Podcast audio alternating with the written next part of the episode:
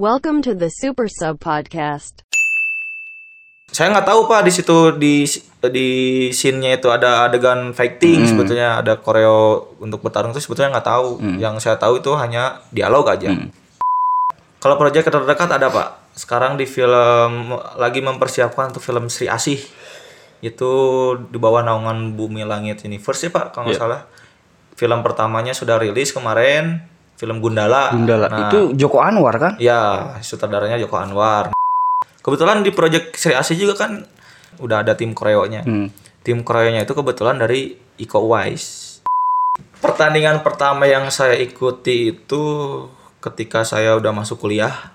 Itu namanya kejuaraan wali kota cup, Pak. Nah, di situ ikut kejuaraan wali kota cup.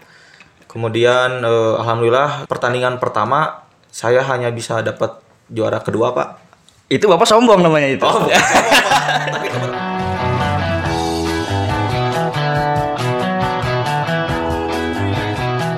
Assalamualaikum warahmatullahi wabarakatuh. Kembali lagi dengan Super Sub Podcast di episode yang terbaru. Kali ini saya bersama dengan CS ku Arizal sebagai penggiat tarung derajat ya Pak ya. Betul, Pak. Kuma sehat? Alhamdulillah luar biasa. Ya Pak, hari ini kita akan bicarain tarung derajat Pak. Oke, siap. Kebetulan kan Anda expert. Nah, tarung derajat ini Pak masuk ke SEA Games tuh sih? Kalau masuk sih belum, tapi kemarin sempat ikut eksebisi SEA Games di Malaysia. Di kemarin. Malaysia. Dan untuk Asia Tenggara, Asia negara mana aja ya? Tenggara Udah ada kalau nggak salah ya ini udah ada 10 negara di antaranya Malaysia, Indonesia udah jelas, Vietnam, Laos, terus apa lagi ya? Filipina, Brunei masuk? Thailand, Brunei belum kalau nggak salah. Ada beberapa negara lagi pak, saya lupa lagi. Oh, Pak. ya, siap, siap. Oke, Pak. Eh, sebelum kita bahas ke konten, Pak, kita jelasin dulu apa sih tarung derajat itu.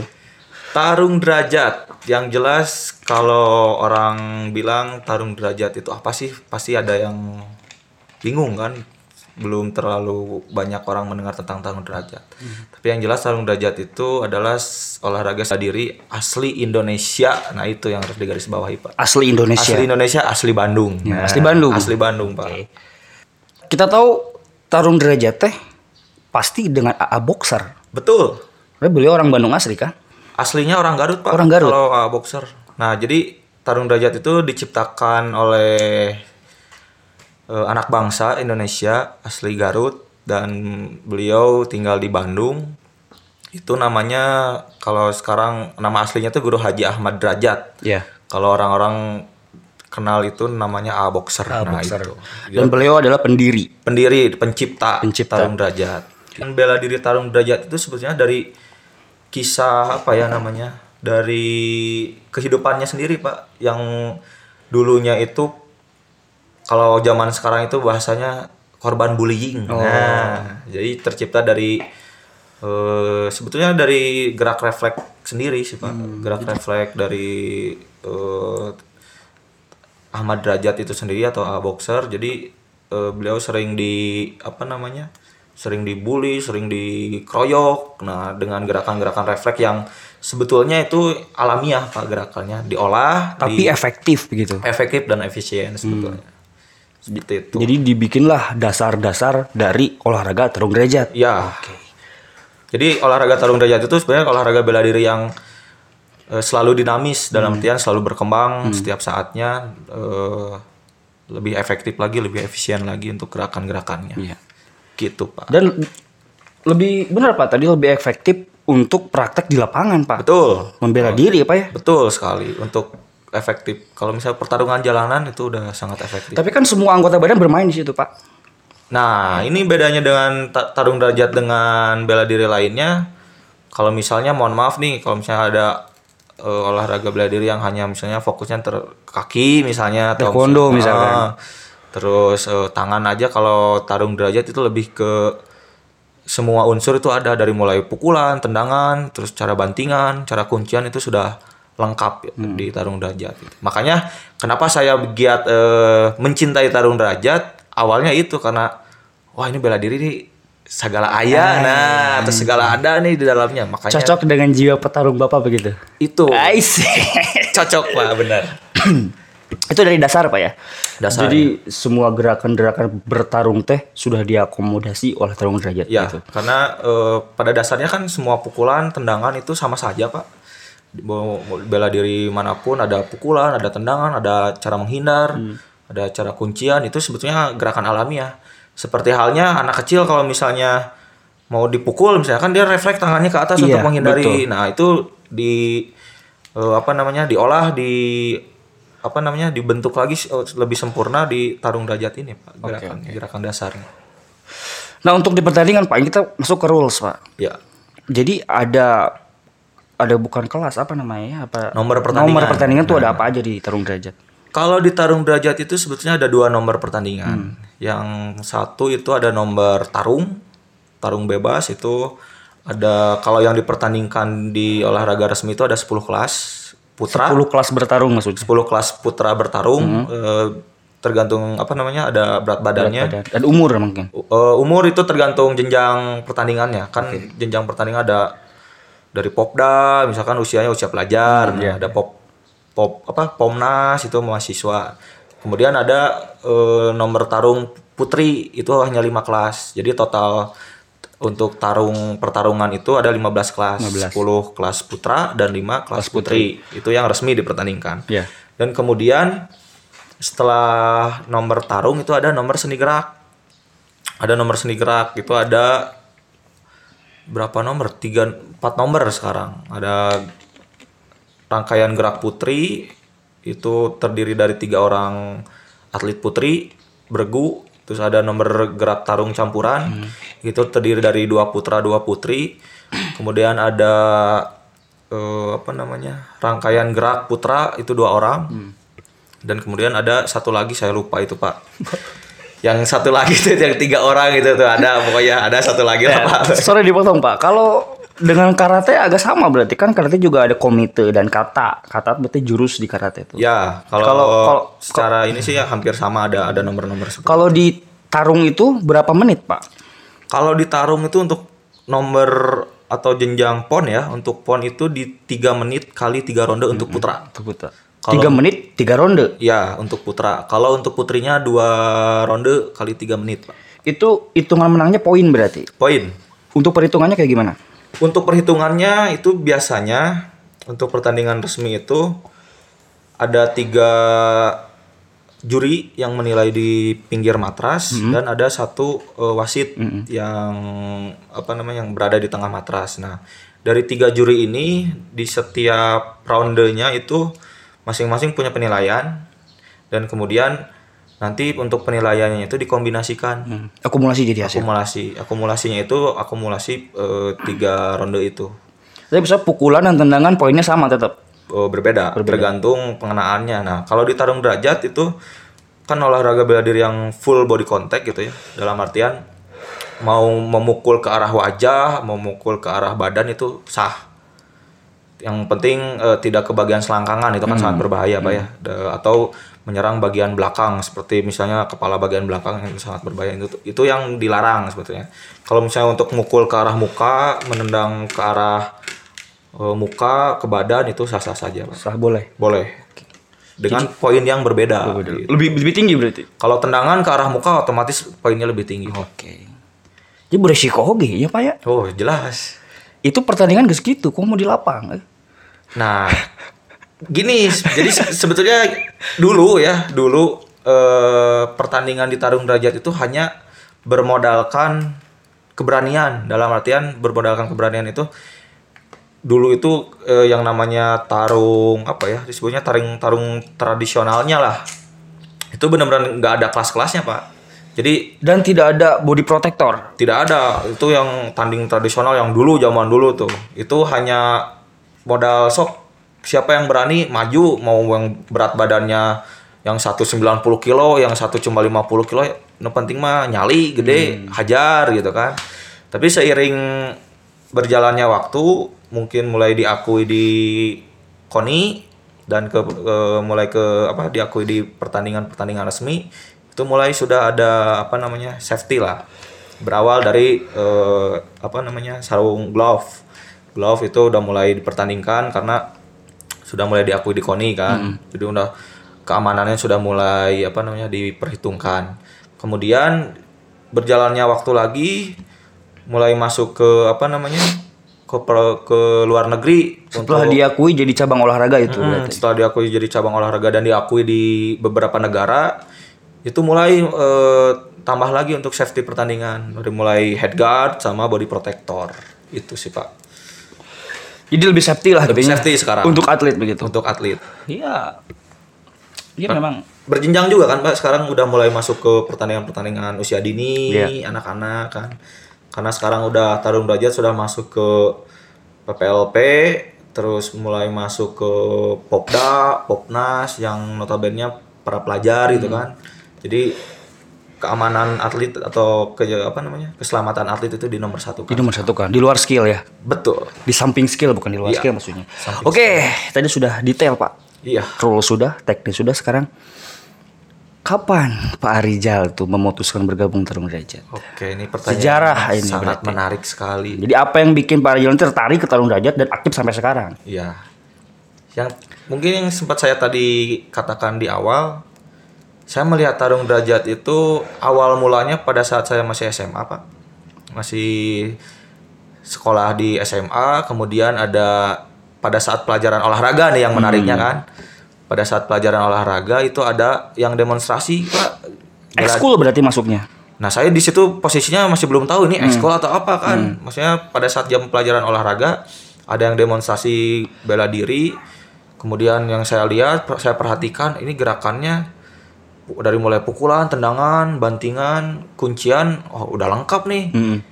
Cocok lah kata saya tanya. Tapi sebelumnya nggak ikut olahraga bela diri yang lain. saya nggak? dulu pernah ikut waktu SD sih ya, udah lama waktu SD pernah ikut pencak silat dan itu pun pencak silat yang apa namanya? Seni gerak. seni geraknya yang ngibing ya, Ah, yang diiringi Kenangan. dengan- ah, di kenangan. Nah itu sempet tapi nggak lama Eh, dari sana ah udah nggak tertarik sama bela diri. Nah kemudian pada saat ada demonstrasi pas pelajaran olahraga itu saya mulai tertarik nih karena saya anggap wah udah lengkap nih eh, apa namanya gerakannya segala ada lah istilahnya kan.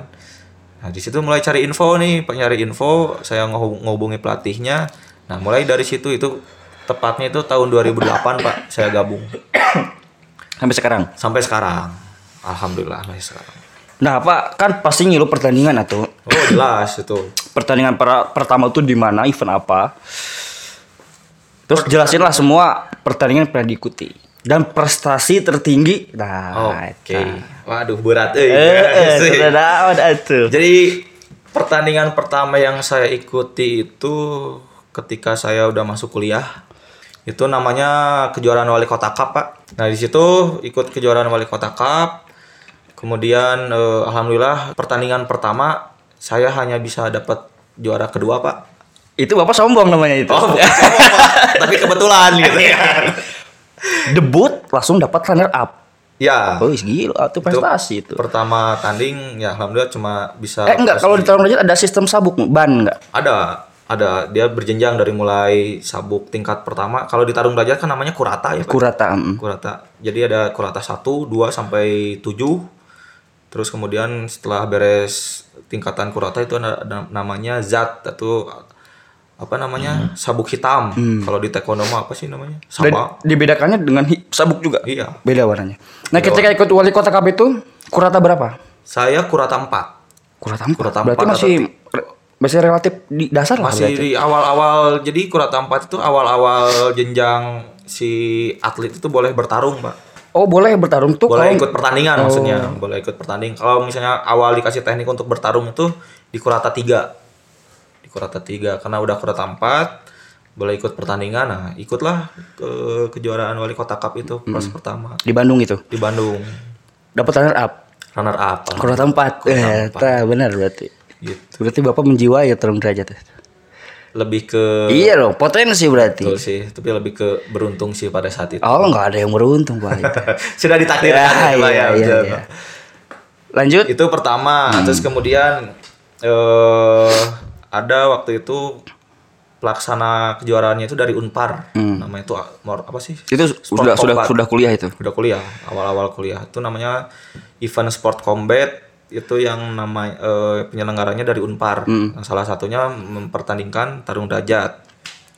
Nah, di situ pun sama karena posisinya masih kurata 4 juga dengan apa namanya? dengan motivasi yang dari pas awal saya dapat apa dapat kejuara ikut kejuaraan menang. Saya latihan lebih giat lagi, Pak. Lebih giat lagi dan alhamdulillah di situ dapat juara dua lagi, Pak. Enggak Dua lagi. belum ke satu gitu Iya, kan. iya, iya. Belum ke satu. Nah, di situ ya mungkin masih rezekinya masih di runner up di situ. Kemudian pertandingan-pertandingan berikutnya eh, yang berjenjang lagi dulu pernah ikut Pomnas.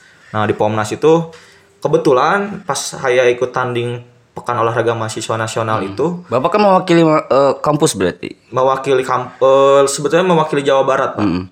Mewakili Jawa Barat dari eh, mahasiswa UPI. Hmm, Bapak masih UPI ya? Oh iya. PPOK? Dulu. Eh, PPOK, PJKR, Pak. Ya, itu ya. PJKRD garis bawahi. Oh jelas PJKRD itu paling solid pak, jangan lupa itu ya.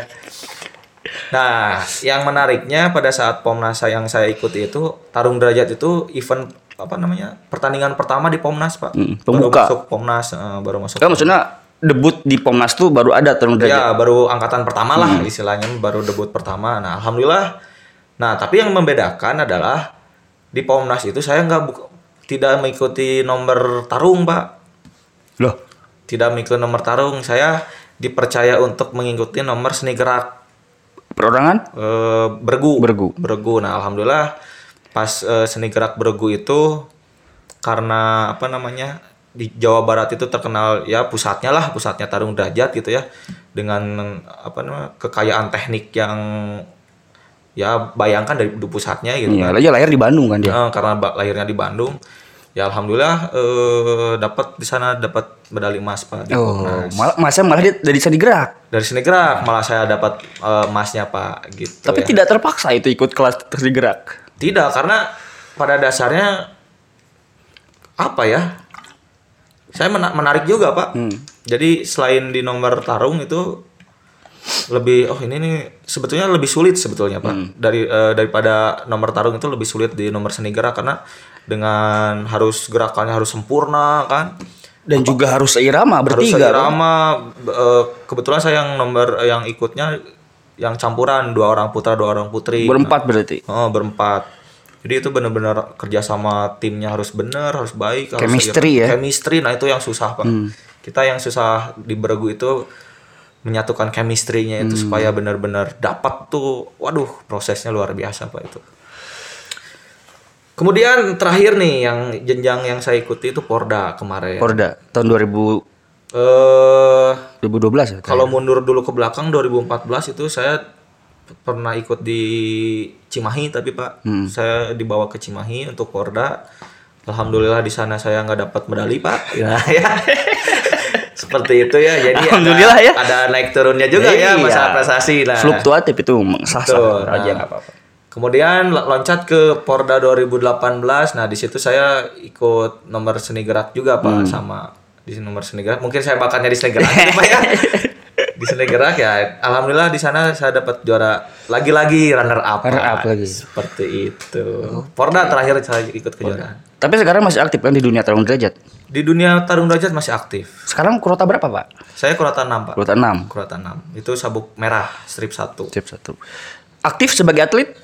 Kalau untuk sekarang untuk jadi atlet mungkin udah begitu nggak terlalu tertarik pak saya karena pertandingan 2012 Portland kemarin saya rasa cukup lah untuk jadi atlet. Kalau sekarang lebih ke perwasitan saja pak. Tapi aktif di dunia tarung derajat Masih tuh. saya masih melatih, masih ikut di organisasinya masih aktif juga. Iya. Nah, kan karena tarung derajat itu, Pak. Bapak jadi aktor laga. Wes. Berat. eh. Hey, very prima. Jadi sebetulnya gini pak, kalau di kalau saya katakan saya aktor itu terlalu berat pak, Eh, karena hmm. kalau aktor itu kan seenggaknya sudah dikenal sama banyak orang gitu ya. Iya. Kalau se- sebetulnya saya kan cuma kebetulan aja ikut. Enggak, saya potong dulu, Pak, sorry. Oke oke. Jadi Arizal ini sempat bermain film Sempat di film Bike Boys ya. Ya. Itu produksi tahun berapa, Pak? produksi tahun 2000 produksi. Tayangnya di bioskop 2018 Tayang- juga. Tayangnya 2019. Nah, jadi film Bike Boys tahun 2019 tuh Pak Rizal ambil bagian di sana. Ambil bagian alhamdulillah. Sebagai ba- maling sepeda. Perannya namanya itu Erwin. Apa, Erwin, Sebagai ya? Erwin itu proses eh, apa namanya? Kerjaannya itu maling sepeda. Maling sepeda. Dan akhirnya kan 2020 kejadian banyak yang beli sepeda ya. Iya, gara-gara Banyak Erwin juga. berarti. Iya, gara-gara Erwin kayaknya ini, Pak. Nah, tapi kan yang jadi perhatian adalah Bapak di sana sebagai eh maksudnya perannya adalah bertarung, Pak. Ya, Iya kan? saya dapat scene itu eh, karena ada adegan bertarung, Bertarung. mungkin saya dipercaya gitu, Nah, Pak. itu. Nah, ceritain sekarang, Pak. Awal mulanya Bapak gabung tuh ke film Bike Boys. oke. Nah, iya iya sebab konten nih. Di film Baik Bos itu kan karya Aris Nugraha ya. Iya. Aris Nugraha itu sutradara preman pensiun. Sutradara TOP juga eh, yang di sinetron. Tukang ojek pangkalan gitu. tukang ojek pengkolan. Pengkolan. RCTI kan? Betul ya RCTI. Nah, kebetulan eh, tahun 2018 beliau menggarap film namanya film Bike Boys yang di eh, manaj- apa namanya PH-nya itu dari Star Vision. Nah, awal mulanya saya ikut itu ada rekan saya kebetulan pelatih eh, tarung derajat juga menghubungi saya, Pak, untuk men- menawarkan mau ikut casting nggak nih? Kalau misalnya mau ikut, sok bikin video katanya kan.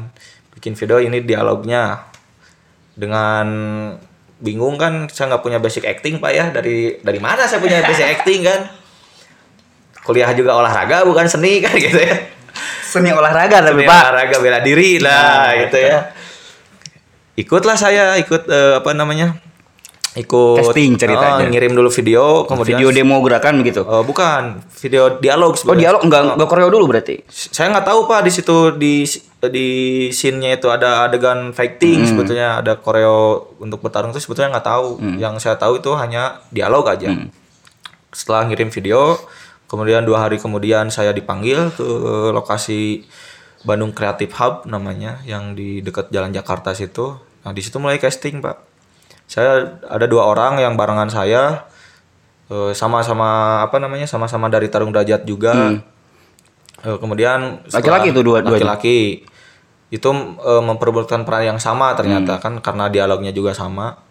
Itu di casting kemudian setelah di casting eh, kemudian satu hari kemudian dipanggil lah eh bukan dipanggil sih lebih ke ditelepon dulu awalnya. Ditelepon disuruh datang ke lokasi yang sama ke Bandung Creative Hub itu. Saya kan bingung eh bingung tuh maksudnya saya aja atau sama teman saya yang satu lagi nih kan kemudian saya tanya aja eh, nge WA teman saya juga kan. Ternyata dia nggak dapat callingan nggak dihubungi. Memberanikan dirilah saya sendiri pak ke sana. Kemudian di sana itu eh, tiba-tiba pada saat saya datang itu langsung disodorkan skrip atau dialog ke film Baik Boys yang utuh itu kan lumayan tebel lah. Saya masih belum ngeh saya diterima atau tidaknya kan. Kemudian dari situ eh, yang lain tuh pada fitting baju pak yang saya bingung. Fitting baju buat apa kata saya. Kan bingung kan siapa? Hajat. rek aja trek naon guys saya dengan, eh, dengan dengan apa nah, dengan bingung oke sih sebenarnya. Polos aja. dengan polos karena saya nggak tahu dunia seperti itu ya pak ya Hmm. awalnya. Ya tenan naonan sih datang ke dia ujung-ujung kita sampai fitting. Saya nanya lah ke apa namanya ke si orang castingnya eh, waktu itu. Yang castingnya kebetulan yang jadi Amin di film Preman Pensiun pak. Ah, supir. yang supir Ah. itu nah itu. Si Kang Amin atau Kang Tile namanya. Kemudian saya tanya ya Jal cina ente jadi pemeran Erwin jadi film Baik Bos. Oh gitu? Oke siap. Belum ngeh. Saya belum ngeh keterima. Datanglah Kang Epi Kang Epi Kusnandar. Kang Mus. Kang Mus. Oke, Nah, ya, Kang Mus. datang eh beliau itu perannya di sana sebagai pelatih acting pak Hmm. di proyek Tapi film enggak terlibat dalam film enggak dia? tidak tidak terlibat hanya eh, sebagai pelatih acting di Tim support Bos. lah. Ah, ah. di situ ketika dikumpulkan semua disuruh reading pak Disuruh- disuruh baca skrip semua saya kan bingung saya sebagai apa kan pas saya tanya lagi Kang ayo teh Kang naon eh saya teh jadi naon ya teh kan ente jadi iya Erwin sih saya geus katarima ente jadi Erwin jadi per, eh, peranna jadi Erwin cenah baca we tinggali jadi skrip anu aya nama Erwin Buledan Cirian cenah oh gitu saya teh katarima aja saya teh kan gitu bingung ya kan Heeh, cenah geus katarima cenah aman. Eh iya, apalkeun deui dialogna cenah. Oke, siap. Nah, di situlah baru saya nge baru kalau saya ikut terlibat sana dan proses readingnya itu sebelum syuting itu ada reading ya. Misalnya reading itu em, semua pemain itu baca sama-sama seolah-olah emang ada di set gitu kan itu prosesnya selama satu minggu pak Nggak Hanya lama. untuk reading hanya seminggu. untuk reading hanya untuk reading dan eh, memahami karakter Hmm. si perannya masing-masing nah kemudian setelah reading barulah proses syuting dan di film project apa di film Baik Boys itu syutingnya sampai selesai itu satu bulan kurang Satu bulan. Satu bulan Baru tahu ada koreografi bertarung itu saat syuting pada berarti. saat reading Ah, reading, tahu. pada saat reading karena di sana ada adegan oh, fighting gitu oke saya eh dengan rekan saya juga yang pelatih tarung derajat juga sama memikirkan lah itu koreanya seperti apa Oh, nyin sorangan? iya saya bikin sendiri pak sama Kang Darman yang sekarang jadi Kang Darman di PP itu saya bikin koreo itu dengan Jadi koreonya tuh bikin sendiri, John. Iya. Anjir. Edan, eh sudah nanti sudah Oh disiapkan. tidak pak. Jadi saya mikir juga untuk gerakannya seperti apa gitu kan dengan teman saya itu. Totalnya tampil berapa menit? Kalau total kalau Kalau sudah- setnya itu kan di set saya ada dua set yang tampil ya, eh tiga set. Pertama itu ada di jalanan, itu pada saat proses saya maling sepeda dan adegan fighting itu pak ya, Iya, saya nonton, Pak. yang pokoknya saya babak belur ceritanya di sana pak ya, ya geus ditewa aku bea aku aing di dia. itu set pertama itu prosesnya lumayan lama juga sih. Dari mulai lohor lah kurang lebih sampai jam 4 sore proses adegan fighting aja pak. Hampir 4 jam lah Itu beberapa kali tag mungkin. oh jelas. Dari tag misalnya dari cara close up gitu kan ngambil kameranya terus wide. Dan itu beberapa kali pengambilan gambar. Ya bayangkan aja pak 4 jam pak. Proses eh, yang hanya durasinya kurang lebih dua menit kalau nggak salah. Di film dua menit? film di film yang adegan dua Prosesnya 4 jam. tiga menit kalau nggak salah di filmnya tuh. Untuk adegan fighting aja. Hmm. kemudian yang adegan di set di penjara Di penjara di bui itu. di bui pak Sepeda mahal. Nah, itu sepeda mahal kan itu tuh adegannya. Itu sehari sih itu. Pokoknya kalau total saya syuting itu pas film Baik Bos hanya empat hari sih sebetulnya. Empat hari. Empat hari. Oke. Gitu sih kalau untuk proses. Kemudian setelah beres proses syuting ya tinggal nunggu editing beres ya ini promosi lah tinggal Nah, sekarang Bapak ada pertanyaan, Pak. Boleh jawab, boleh enggak? boleh. Ini bebas ini privasinya soalnya ranah pribadi. Bapak terlibat di Bike Boys. Itu salary-nya dapat berapa, Pak? Aduh, oke. Oke, ini nggak jawabnya tenang naon sih. Kalau masalah sehari sih hitungannya kan persin ya. Persin. Persin. Semua pemain persin juga. Oh, beda-beda. Ada yang persin emang ada kontrak sampai beres kan. Kalau saya itu saya rank aja ya, jangan Iya, pas iya. ininya ya, Iya, gitu Oke, ya. oke, oke. Kalau untuk persinnya itu saya di angka antara 1 sampai 2 lah persin. 1 sampai 2 kilo 2 juta persin. Nah, kebetulan, saya dapat Dapat tiga. Ah, tiga kalau si, scene-nya sih banyak pak, ada tujuh tujuh scene. Dalam artian tujuh scene itu bukan beda kan scene sama set ya. Hmm. Maksudnya di satu set yang sama kan bisa beberapa scene. Dan honornya itu per, per scene. Per scene. Bapak tampil 7 scene. Tujuh scene. Kita ambil range terbawah lah 1 juta. Iya. Berarti minimal 7 juta dapat berarti. Ya sekitaran lah. Iya, gila ya. Aji, wah ada ya. Iya. Iya, maksudnya untuk sekelas debutan di dunia film gitu. Baru, ya. Baru. Berarti dunia entertain itu menariknya dari segi finansial berarti. Betul.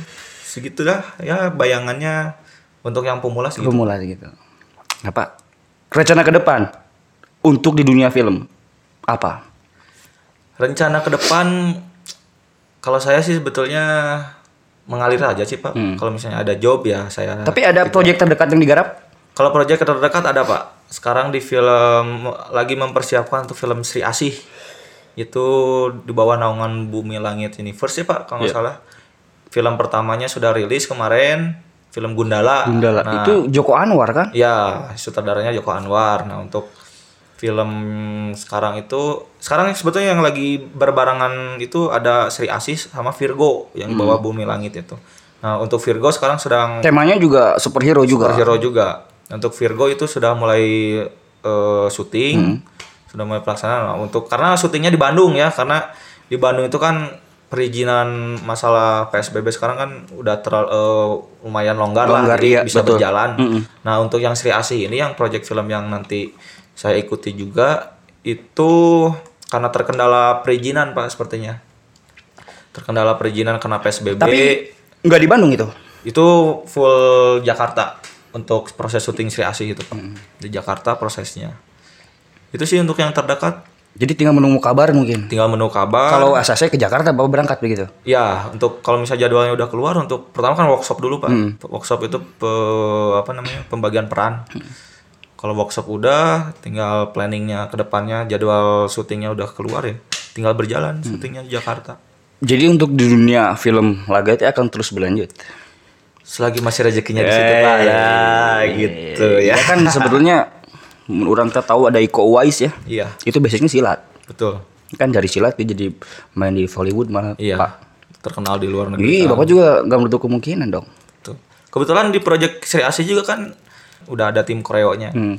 Tim koreonya itu kebetulan dari Iko Uwais. Jadi Uwais Team namanya. Uwais Team. Uwais Team itu yang megang koreo nanti gerakan fightingnya Hmm. seperti ini, seperti itu itu yang megang tim Iko Uwais gitu. Jadi saya tinggal ikutin aja. Tapi basicnya kan beda John. Itu kan silat. Gak Iya, apa-apa. cuma kan kalau di dunia film itu sebetulnya tidak melihat eh, apa namanya, tidak melihat basic bela dirinya silat Hmm. atau apa kan yang penting gerakan fightingnya oh seperti ini nih, Hmm. lebih ke misalnya kan yang saya katakan tadi sebenarnya kalau mukul tendang itu sama aja kan sebetulnya, Hmm. Eh, cuma yang membedakan teknik nah, yang teknik yang secara rincinya itu tidak dimunculkan di film itu pak, jadi hanya secara umum, jadi ti- tidak melihat oh ini basicnya pencak silat gerakannya harus silat Hmm. enggak yang silat juga kalau di adegan film kan enggak kelihatan silatnya Iya seperti sih. apa kan Iya, iya benar. yang saya juga sama gitu kan bela diri yang lainnya juga karena di project film itu pak yang fighting itu dari berbagai basic bela diri sebetulnya dari Hmm. silat dari tarung derajat dari taekwondo karate atau atau apa namanya tuh judo banyak kan sebenarnya tinju. Jadi udah tergabung dalam manajemen berarti sekarang. Kalau untuk yang Sri Asih sih sebetulnya bukan di manajemennya sih Pak sekarang. Karena saya proses tetap mengikuti alurnya dalam Hmm. artian ada casting dulu. Nah, untuk manajemennya mah ya itu secara kontrak aja sih Pak. Kontrak. Mm-mm. Seperti itu. Untuk di Baik Bos nggak nggak manajemen juga. Kalau di Baik Bos, kebetulan saya masuk ke manajemennya yang ANP. Hmm. ANP itu udah masuk manajemennya itu manajemen yang produksi PP, TOP, awas banyak copet. Nah, Hmm. itu kan di bawah naungan ANP. Nah, itu di sini. Kalau saya sih masuk di manajemennya di grupnya ada. Oh iya, iya. jadi merintis karir sebagai aktor laga sekarang ya Pak. Anjir. Kumahanya gue nanti ya gitu mah gitu. Sebenarnya ikut project film aja sih kalau untuk aktor mah eh, bonus lah sebetulnya Pak. Karena saya hobinya dibanding kalau lebih memilih nih Pak ya. Mending dapat dialog atau dapat gerakan fighting mending fighting sih Pak. fighting nanya. Karena dialog mah Pak Baliut komo letah letah Sunda gitu Ah, nah. iya, jadi benar-benar. agak kumaha gitu.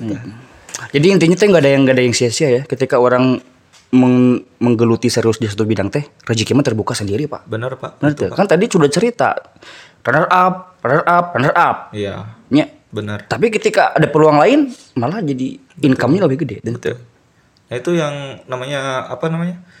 Sesuatu itu harus ditekuni dengan sungguh-sungguh ya karena apa yang kita tidak prediksikan dengan kesungguhan kita, dengan bekal yang kita dapat, dengan skill yang kita punya, ya akhirnya apa yang tidak diduga kan bisa terjadi Iya. juga. Ah, benar sih. Apalagi bisa menghasilkan lah dalam artian kan. Eta intinya mah kudu menghasilkan. Betul.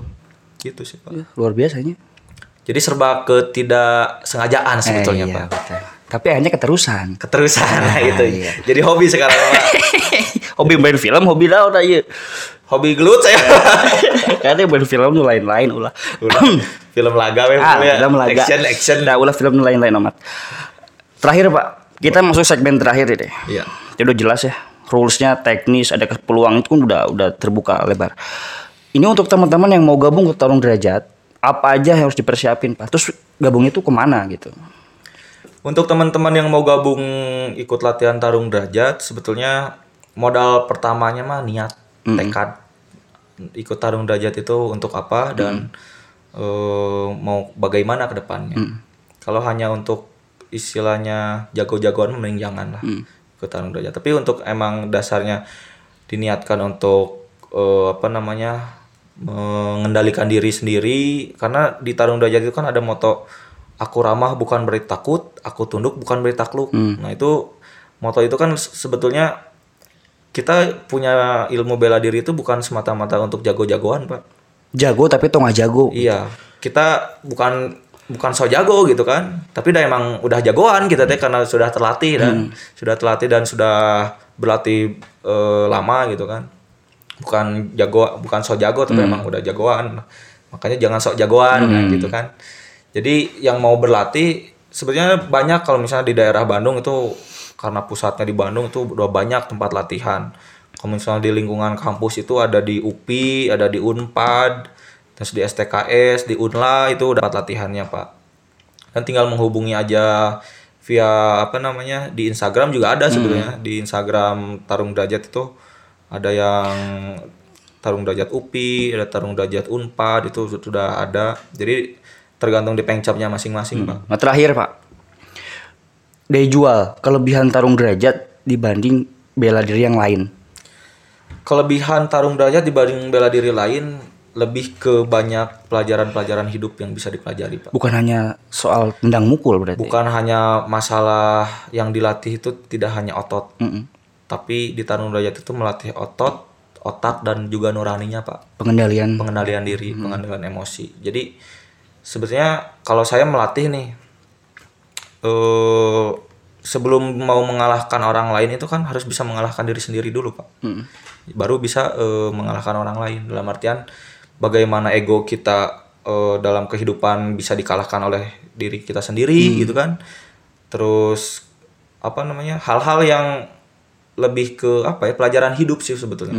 Karena menurut pengalaman dari sang apa namanya penciptanya sendiri tarung derajat yaitu A Boxer itu banyak pelajaran-pelajaran hidup yang bisa kita pelajari di situ. Dari mulai eh, bagaimana kita apa namanya eh apa namanya eh mengendalikan diri gitu kan. Bagaimana kita belajar hidup dengan keadaan yang sulit dalam artian sulit itu bukan berarti sulit masalah ekonomi saja gitu kan dalam situasi yang genting pun bagaimana cara kita mengendalikannya gitu. Banyaklah sebetulnya eh, pelajaran-pelajaran hidup yang mungkin di bela diri lain itu tidak ada pak.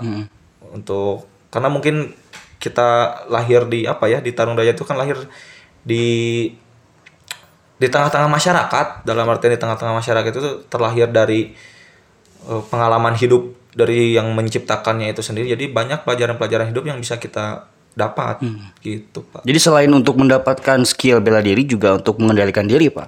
Jadi buat teman-teman yang susah mengendalikan diri berarti solusi tarung derajat. solusi banyak lah kalau misalnya dijelaskan mungkin nggak akan cukup 3 SKS atau 4 SKS di sini karena mungkin terbatas juga waktunya ya. Iya iya. Jadi lebih baik yuk kita terjun dulu aja gitu, gabung dulu aja di tarung derajatnya baru apa yang dicari mungkin bisa didapat. Iya. Oke. Terima kasih Pak Rijal untuk penjelasannya. Siap, Dan juga waktunya. Siap, Kita kalau kesempatan kita ngobrol lagi Pak. Boleh. Mungkin nanti Bapak hati. sudah di project yang terbaru kita ngobrol lagi nanti. Oh boleh silakan. Di program, dengan di- senang hati. Oh, bisa tunggu undangannya aja lah. Ah, siap. Ini studio saya memang kecil Pak, maaf ya. Iya. Jadi saya nggak bisa ngasih apa-apa ke Bapak nih. Oh. Serba terbatas gini. Ya, Oh. namanya studio baru lah. Oh iya jelas. Udah bagus itu pas studionya. Luar biasa.